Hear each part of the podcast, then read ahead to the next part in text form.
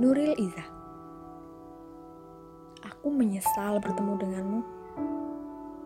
Lebih tepatnya bertemu denganmu saat kita sudah beranjak masa dewasa. Kurasa pertemuan kita hanya sebentar.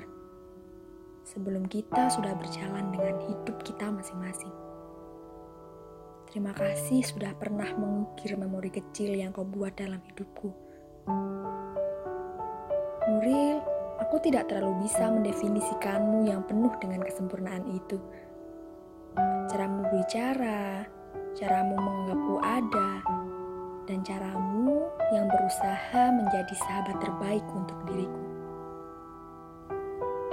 Bersamamu, aku mengenal bahwa rasa sayang itu tidak ditujukan pada orang yang kita cintai.